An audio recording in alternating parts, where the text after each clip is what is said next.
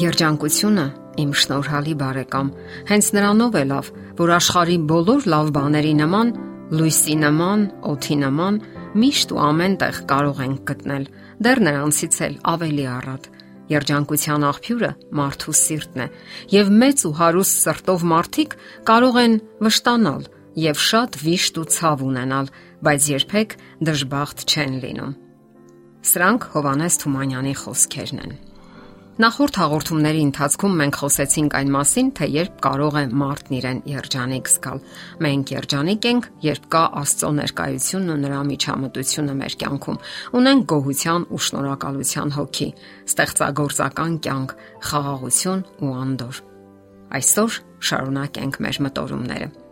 Բազմաթիվ մասնագետներ հետազոտությունների արդյունքում հաստատել են, որ երջանկության առավել կարևոր աղբյուրներից է երջանկությունը ընտանեկան կյանքում։ Ամուսնական սերը վեհացնում ու բարձրացնում է մարդուն, երջանկություն ապարգևում նրան։ Ամուսնական սիրո մեջ երջանկություն գտնելն առավել հատուկ է կանանց։ Կնոջ կյանքը կարելի է բնորոշել որպես մարդ հանուն սիրո, հանուն ընտանիքի բարօրության։ Այդ մարտը շատ գեղեցիկ է նկարագրում նշանավոր գրող Լոուրենսը։ Երջանկությունից բացի ուրիշ էլ ինչ կարող է կինը բաղձալ։ Կինը մակարում է, որ երջանկացնի տղամարդուն, ուժերի գերագույն լարումով պայքարում է իր իսկ բարօրության համար։ Ամուսնական դաշտն է այն ոլորտը, որտեղ լավագույն ձևով դրսևորվում է մարդու էությունը եւ նրա բնավորության որակները։ Զույգը տարիների ընթացքում ընտանեկան միջանձնային հարաբերություններում բավականաչափ խոր փորձառություններ է ապրում։ Շատերն իսկապես բավականություն են զգում, ներքին ուրախություն եւ ի վերջո երջանկություն։ Շատերն էլ ցավոք ձախողվում են եւ լուրջ հիասթափություն ապրում։ Մեծապես չխորանալով ամուսնական փոխհարաբերության շատ մանրամասների մեջ, միայն նշենք, որ ամուսնությունը երջանիկ կլինի այն դեպքում, երբ կողմերից յուրաքանչյուրը ձգտում է երջանկություն ապարգևել դիմացինին, ձգտում է հասկանալ դիմացինի պահանջմունքները, հնարավորինս փորձում է բավարարել այն, ծառայեցնել ընտանեկան շահերին, երջանկացնել դիմացինին Այդպես վարվելով մի օր նա հանկարծ նկատում է, որ իսկապես երջանիկ է։ Նա միակն է եւ անփոխարինելին։ Սա պետք է լինի յուրաքանչյուր ամուսնության հիմքում։ Գոհացեք այն միակից, որն Աստված ապարգևել է ձեզ երախտապարտ եղեք նրա անդուլ ծառայության համար եւ եթե նույնիսկ լիակատար երջանիկ չլինեք, դուք երջանկության նման մի զգացում կապրեք։ Ամուսնական միությունը հույզերի դրսևորման եւ նպատակների իրականացման ամենակարևոր ոլորտն է։ Եվ այնուամենայնիվ մարդկային հոգու լավագույն նկարտումները, երազանքներն ու երջանկության որոնումներն անկատար կմնային, եթե չլիներ մարդ Աստված փոխհարաբերությունը։ Կատարելով Աստծո սահմանած հավերժական օրենքները, Աստծո միջոցով կատարելագործելով սեփական բնավորությունը, մենք հասունանում ենք եւ երջանկություն ապրում։ Քրիստոնեական նշանավոր գործիչ Կլայվ Լյուիսը գրում է. Աստված չի կարող երջանկություն եւ խաղաղություն տալ մեզ, եթե մենք հեռու ենք գտնվում նրանից, որովհետև այդպես չպետք է լինի, այդպես չի լինում։ Ներքին երջանկությունը ձեռք է բերվում այն ժամանակ, երբ կատարում ես հավերժական օրենքները։ Այո,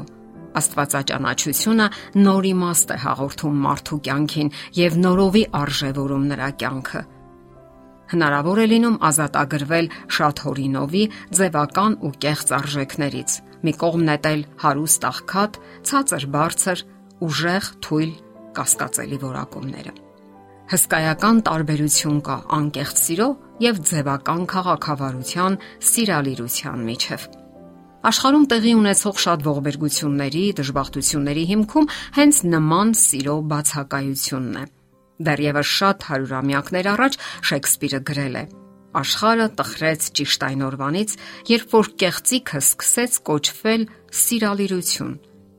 Երբ մարդը ճանաչում է Աստծուն, նրա կյանքում սկսում է առանձնահատուկ տեղ գրավել սերը։ Սերը Աստծո եւ մարդկանց հանդեպ Իր նմանին սիրելով անշահախնդիր ու անկեղծ սիրով մարդը երջանկություն է ապրում։ Հարկավոր է գիտակցել նաև սեփական եզակիությունը։ Մենք անկրկնելի անznավորություն ենք Աստծո համար եւ նրա կամքն ու ծրագիրը եզակի է յուրաքանչյուր մարդու համար։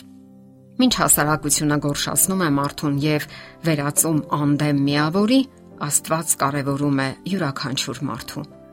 Սիրելով մեր նմանին, մենք երջանկություն կապրենք։ Այդպիսին է Աստծո սահմանած կանոնը։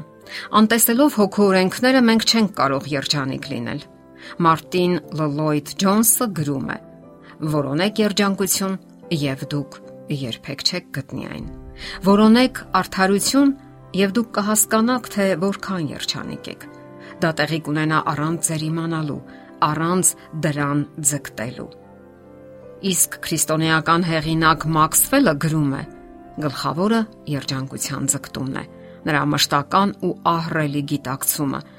Մնացածը կանայք, արվեստի գործերը, աշխարհիկ հաջողությունները լոկ պատրվակներ են։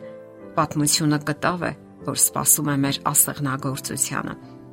Ասել կուզի հարկավոր է ձգտել արդարության ու ճշմարտության, ջանքանել կատարելու Աստծո այն կամքը, որը միայն երջանկություն է ցանկանում բոլորին, եւ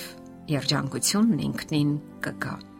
Ձգտելով արդարության, սրբության եւ առաքինության, մենք կհասկանանք, թե որքան երջանիկ ենք։ Ցավոք, շատերն այդպես էլ չեն գտնում դա, որովհետև երջանկությունը կառուցվում է Աստծո հետ մերց հարաբերությունների հավիտենական ու անսասան հիմքի վրա։ Քրիստոնեական մեկ այլ գործիչ Տոուզերը գրում է. Մարդը չի կարող հույս ունենալ, որ երջանիկ կլինի, եթե նա սրբություն չունի։ Նա պետք է բոլոր ջանքերը ներդնի այն բանի համար, որ ճանաչի ու կատարի Աստծո կամքը, Քրիստոսին թողնելով, թե ինչպես երջանկացնի իրեն։ Ձեր երջանկությունը ձգտեք կառուցել ամուր հիմքի Քրիստոսի վրա, այլ ոչ երերուն ավազի կամ պատրանքների։ Ձգտեք կատարելության, եղեք երջանիկ։ Դուք կարող եք լինել ձեր կենսական նավի նավապետը, իսկ ղեկը հանձնել Քրիստոսին։ Եթերում ղողանջ հավերժության հաղորդաշարն է։